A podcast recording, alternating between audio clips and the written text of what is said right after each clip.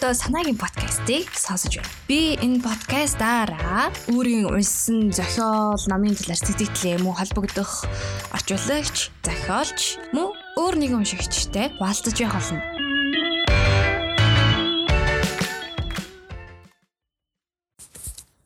Эрик Фром найдвараа хавсахгүй номын хэсгээс.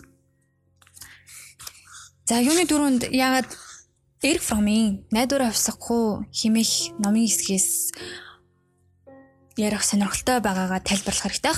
Тэгээ Эрик Фром гэдэг хүн бол манай монголчууд ихэнх нь хайрлах хурлаа гэдэг номоор нь бол мэдэх бах. Энэ хүн бол 20 дугаар зууны хамгийн ихнэрд гарсан сэтгэл судлаач, философчдын нэг ийм хүн.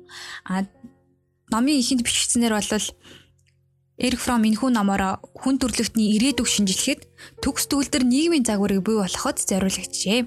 Эрик Фром орчин үеийн технологичсон нийгмийг хүмүүжлэх тодорхой санал тавьсан байна. Тэрээр зөвхөн хүндэл байдаг хэд хэдэн мэдрэмжүүд үндсэн хэрэгцээнүүдийг нь шинжилжээ. Шин нийгмийн хүсвүүштэй төрөх төлөвийг ил шинжилгээний үндсэн дээр зураглан гаргасан нь нэн сонирхолтой илүү хүмүүнлэг шинжтэй юм аа. Ер нь тэгээд өдөр тутмын амьдралдаа бид санаж байгууштай зүйл энэ номонд их оржээ. Энэ ном монгол хэлний бол 2007 онд орчуулагдаж чиглэгдэж гарч байсан. Тэгэхээр 10 жилийн өмнө гэсэн үг те. А гэхдээ яг энийг бол хэрэг хүн уншсан гэдгийг сайн мэдэхгүй байна. Гэхдээ уншсан хүмүүс бол маш хэрэгтэй ном гэдгийг бол мэдж байгаа байх. А тэгээ дээрэс нь яг тавчхандаа энэ ном маань ерөөхдөө бол түүний насаараа судалсан үдэс санаа болох хүний яг уг чанар юу вэ? Хүн ямар ямар шин чанартай вэ? А мөн хүн хүмүүсийн гэж дундаа бүтээсэн нийгэм өөрөө ямар хэвшин чанартай вэ? Ямар одоо үйл ажиллагаар явагддаг вэ? Энэ хоёрын хоорондын холбоо юу юм? А мөн зөрчил хаана алдаа дутагдал гараад байна вэ гэдгийг ялангуяа улам их даяарчлагдаж байгаа, глобалчлагдаж байгаа гэд байгаа. Энэ 90 цаг үед техник технологи 90 үед хүнийг байр суурь болон нийгмийн одоо шинэ хүмүүн илүү хүмүүнлэг нийгмийг яаж бүтээх вэ гэдэг талаар бол үзэлснаа дэвшүүлсэн энэ ном байгаа. За эхний бүлэг болох тодорхойгүй байдал гэдэг хэсгээс л уншия. Идүүгийн нийгэмд хий үзэгдэл тэнэж хийсэн нь аль эртнээс болоо. Олон хүн түүнийг анзаарч ажиглахгүй байна. Энэ нь коммунизмын юм уу, фашизмын хуучин уур амьсгал биш л те. Энэ бол шин хий үзэгдэл, нэрлэвэл бүтээгдэхүүнийг хахад цацлан үйлдвэрлэж, хэрэглэх явдал руу чиглэн ирмэлзэж, компьютерийн тусаар удирддаг бүрэн дүрэн механикчсан нийгэм юм аа. Нийгмийн ил явцын уршаар хүн өөрөө хэдийгээр сайн тослогдож, сайхан байдалд орсон боловч аврах том механикийн тогтолцооны өөрийн шинжээ яа харахгүй гээсэн жижиг эрэг шурган олон хувирна. Тэр тусмаа ил эрэг шургын сэтгэл хөдлөлийн зүйл амьдралыг таалах сонирхол нь уг чанараа алдан мөхийн. Нийгмийн шинэ хөвшил ялвал бодгал чанар, хувийн амьдрал гэсэн ойлголтууд арилан үгүй болох юм хүн хүндээ санаа тавих үйлс сэтгэл зүйн албадын юм уу? Им тангийн гарт орно. Хүмүүсийн харилцааны шин дүрс төрлүүд шаруу нэвтэрч эхэлнэ.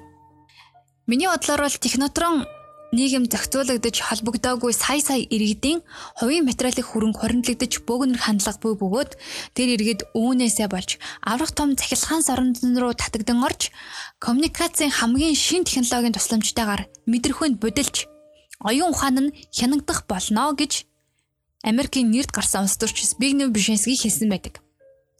Иймэрхүү шин нийгмийн дүр төрхийг Orwell 1984, Huxley Прекрасный новый мир романуудаа тод томруу нүрслэн гаргажээ. Бид өөрийн бие хүн чанараа өөрөө мэдэж чинах хяналтаа гээх явдал руу өөрснөө илэрхий ирмэлцэн зүтгэж байгаад идүүгээ цагийн хамгийн ноцтой аюул эндэгдэл оршиж байна. Одоо ч би тооцоог маань компьютер нотолсны дараа л шийдвэрээ гаргадаг болж. Чухамдаа бидний хүсэл бодол аль болохоор их үйл төрлөх мөн тэгж их хэрэглэх гэсэн хоёрхон зорилгод хөтлөгдөжээ. Бидний хүсмээр байгаа тэр зүйлийн ч хүсвэшгүй байгаа тэр зүйлийн ч аль альнаас нь юу ч үлдсэнгүй. Админ зэвсгээсээ болж устдах аюул бидэнд нүүрлэн. Гэлэж хамгийн аимшигт аюул нь бид өөрснөө хариуцлагатай шийдвэрийг бие даан гаргах чадваргүй болсноор улам бүр илэрч байгаа бидний нэг усны ажилгүйдлийн гайгаар хүний дулаан сэтгэл өхөн мөхөж байгаад оршино. Ер нь хүн байгалыг ялхан оргил дээр ирчээд өөрийнхөө бүтээсний боол нь болж тэр бүтээсэн зүйлээрээ устгуулах ноцтой аюулд орлоо. Яагаад тийм болов? Хүн шинжлэх ухааны үннийг ирж хайх явцдаа мэдлэгийг оллоо. Сайхан мэдлэг нь байгалыг байлдан эзэмнэхэд түүнд туслав. Энэ тухайд хүн их амжилт олж. Гэвч ажил хэргийн зөвхөн техникийн тал сайн сайхны зөвхөн материалын талыг өсгөж олж авах хэмээн өрөөсөглөөр хөөцөлсөний уршгаар хүн өөрөө өөртөөгөө болон хүрээлэн буурсантай харилцах хэлхээ холбоогоо алджээ. Хүн шашны ихтгэл түүнтэй холбоотой байдаг хүмүүлийн үнцийн зүйлсээ алдсны дараагаар техникийн болон материалын асуудалд анхаарлаа төвлөрүүлж үүнийхээ уршгаар сэтгэл хөдлөлийн хоорондоо нэгт холбогдсон баярлан баясах уйдгарлан гуниглахын чадвараа алджээ. Хүний зохион бүтээсэн машин техник өөрийнхөө хөтөлбөрийг боловсруулж ил хөтөлбөр нь хүмүүсийн оюун ухааныг эзэмдэн авахд хүрсэн тийм их хүч чадалтай болж хувирлаа. Манай эдийн засаг зэр зэвсэг үйлдвэрлэхэд бараг бүхэлдээ төвлөрч түүнчлэн эд баялыг дээд зэргээр хэрэглэх зарчмыг номлох болсон идүгэ цагийн бидний тогтолцооны өвчин эмгэгийн хамгийн хүнд шиж тэмдгэнд оршиж байгаа юм. Бид өөрсдийгөө хөнөөн устгах таваар үйлдвэрлэхэд хүн бүр туйлын идэхгүй хэрэглэгч болон хувирахад ямар ч хүч чадалгүй болсны мэдрэмжийг бидэнд ятхан суулгаж буй хүн суртлын аппаратыг байгуулгад чиглэгдсэн эдийн засгийг маш амжилттай хөгжүүлж байна. Ингэлээр бид шийдвэрлэшгүй эмгэнэлт хүнд сонголтын өмнө ирээд байгаа юм биш үү? Бид эргүүл эдийн засгтай байх гээд өвчин эмгэгтэй хүмүүсийн тоог нэмэгдүүлэх ёстой юу? Эсвэл бид байгалийн баялгаа, шинжилгээ ухааны бүтээлүүдээ, компьютеруудаа хүн төрөлхтний сайн сайхан үйлчлүүлэх чадвар бидэнд бий юу? Хүчрхэг бөгөөд сайн ажилдаг байгууллагуудтай байхын тулд бид бүгдээрээ идэвхгүй хараад шинжтэй байх ёстой юу? Энэ бүх асуултанд тун олон янзын хариулт хариулж болно. Шин нийгэм үүсгэх нь зайшгүй бөгөөд ийм болох нь сайн уу муу юу гэдэг нь ямар ч утгагүй зүйл гэж нотлон хэлдэг хүмүүс нь өөрсдөө тэрхүү янз бүрийн авраг машинууд хүний амьдралыг хэрхэн яаж ирс өөрчилж чадахыг мэдэж буй тэр этгээдүүд юм. Тэд ил нийгэм хүнийг бидний ойлгож буй утгаарх муу тал руу өөрчилж болно гэж хэлдгээрээ зарим талаар таагүй байдал орж байгаа мэдэрдэг боловч тийм нийгмийг илэрхий таалан үздэг.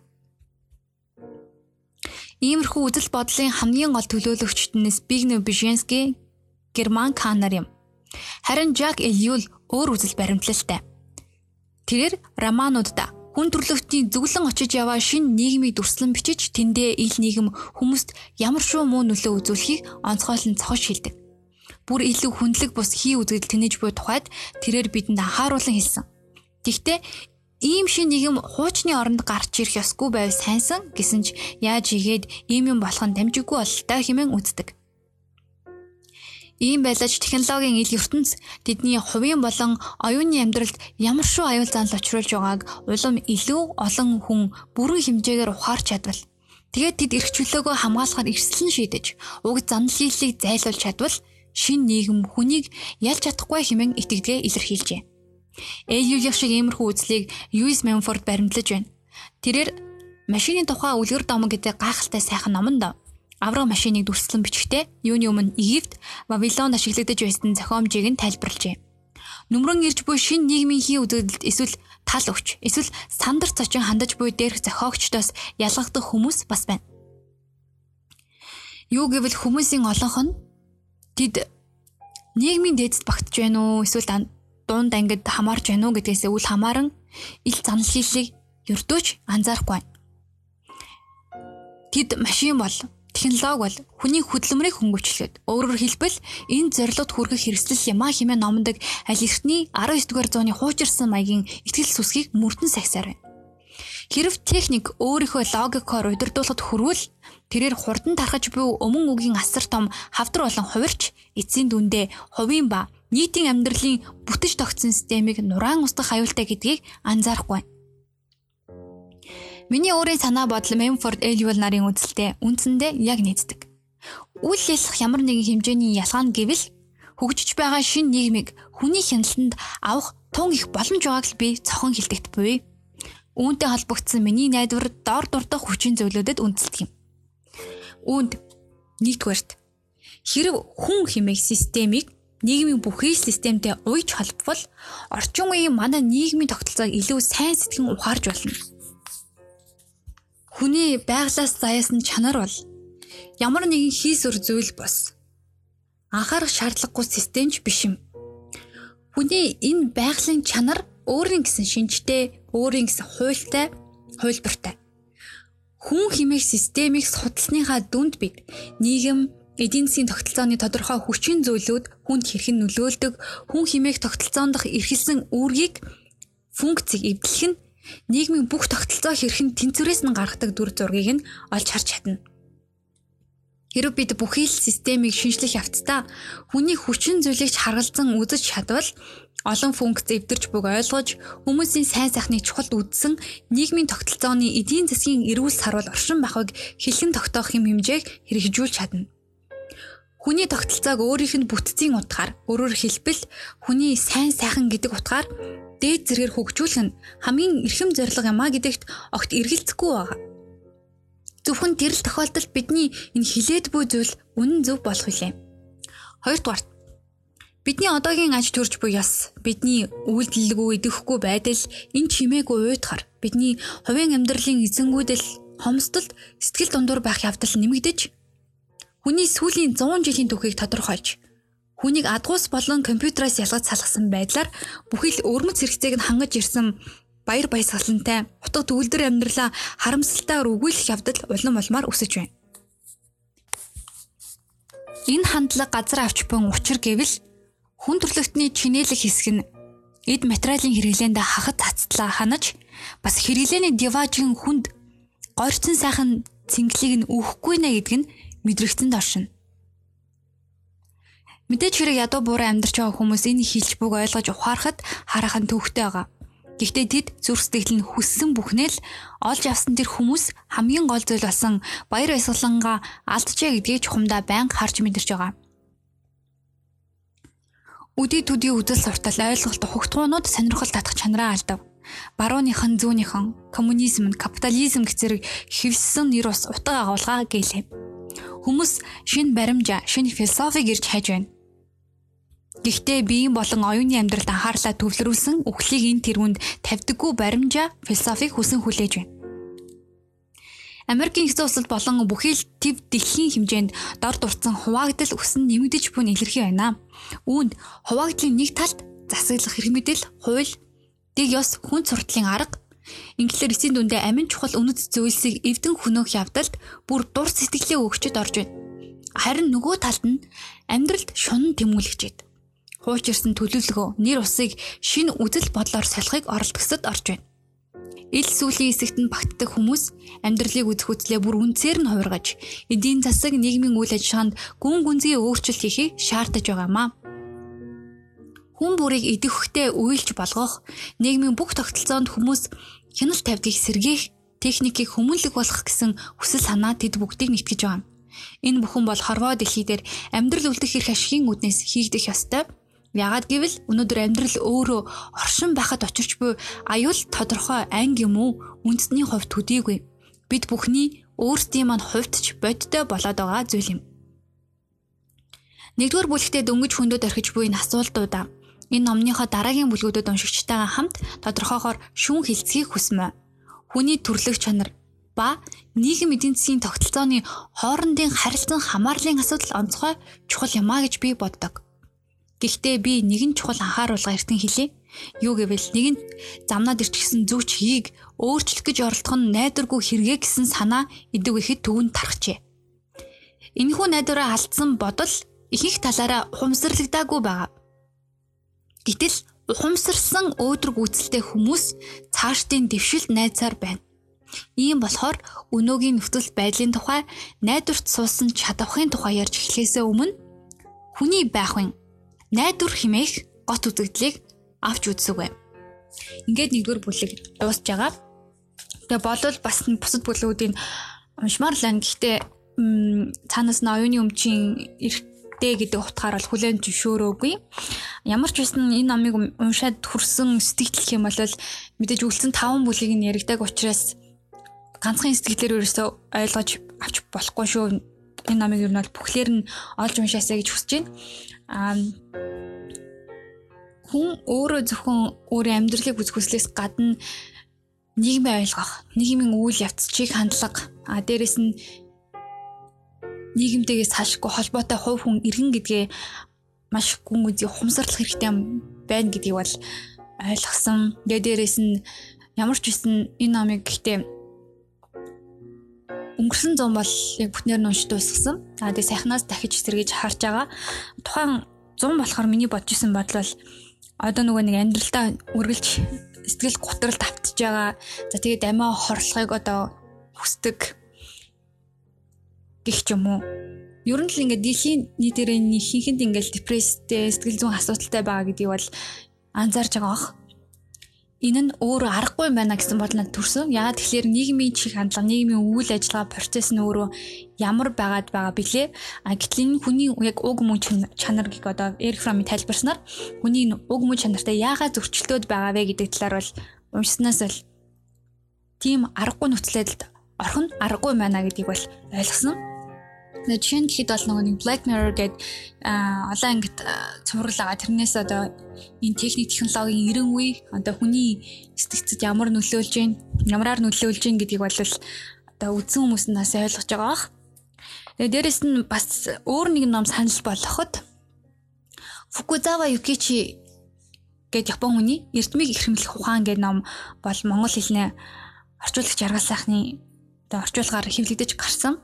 Аа хүмүүс бас сайн сонсоогүй байгаах энэ болохоор бас нийгэм энэ хүний энэ хүний одоо хүн байх, эрдмийг эрхэмлэх, нийгмийн одоо нэг иргэн байх гэдэг үр хөдөл бодлыг нэсэн маягаар бас бичсэн юм ном. Тэгээ энийг зүгээр яг явж байгаа сонирхож уншаад бас ямар мэдрэмж, ямар бодол үлдсэн бэ гэхлээр нийгмийн талаар мэдлэггүй байх нь өөрөө хинд ашигтай вэ гэдэг талаар эргцүүлсэн бид нар яхав ялангуяа а яхав над чиг хүмүүс түүхэн байх байх гэж найдаж байна. Улс төрийн талаар бол зөвхөн 76-аар төсөөлдөг. 76-чд бол ууж иддэг тий нөгөө нэг одоо яс бус гэдэг утгаараа зөвхөн хараа зүхийг мэддгээсээ илүүтэй тогтолцоо уг мөн чанар яг ямар байх хэвтэй иргэн хүн бас ямар байх хэвтэй иргэн өөрөө төрийг бас ингэж одоо түшилцэж явах хэвтэй гэдэг харилцан хамаарлын тухай мэдлэггүй байгаа нь биднээс бас шалтгаалж байгаа гэдгийг бол бас ойлгосон. Тэгээд энэ талаар ерөнхий бас сонсогдож байж магадгүй. Гэхдээ ямар ч байсан Энэхүү Эрик Фромын найдвараа хувьсахгүй а мөн эрхчлөөнөөс дайчихгүй. За мөн Фукузава Юкиши гэдэг хүний эрдмийг хэрхэмлэх ухаан гэж монгол хэлний орчуулагчийн гой гой номнуудыг уншаарай гэж зөвлөмөр байна. Тэгээд тэгээд хэдүүлээ нийгмээ нийгмийн хандлаар илүү таньж мэдээ өөрсдийнхээ талаар илүү таньж мэдье.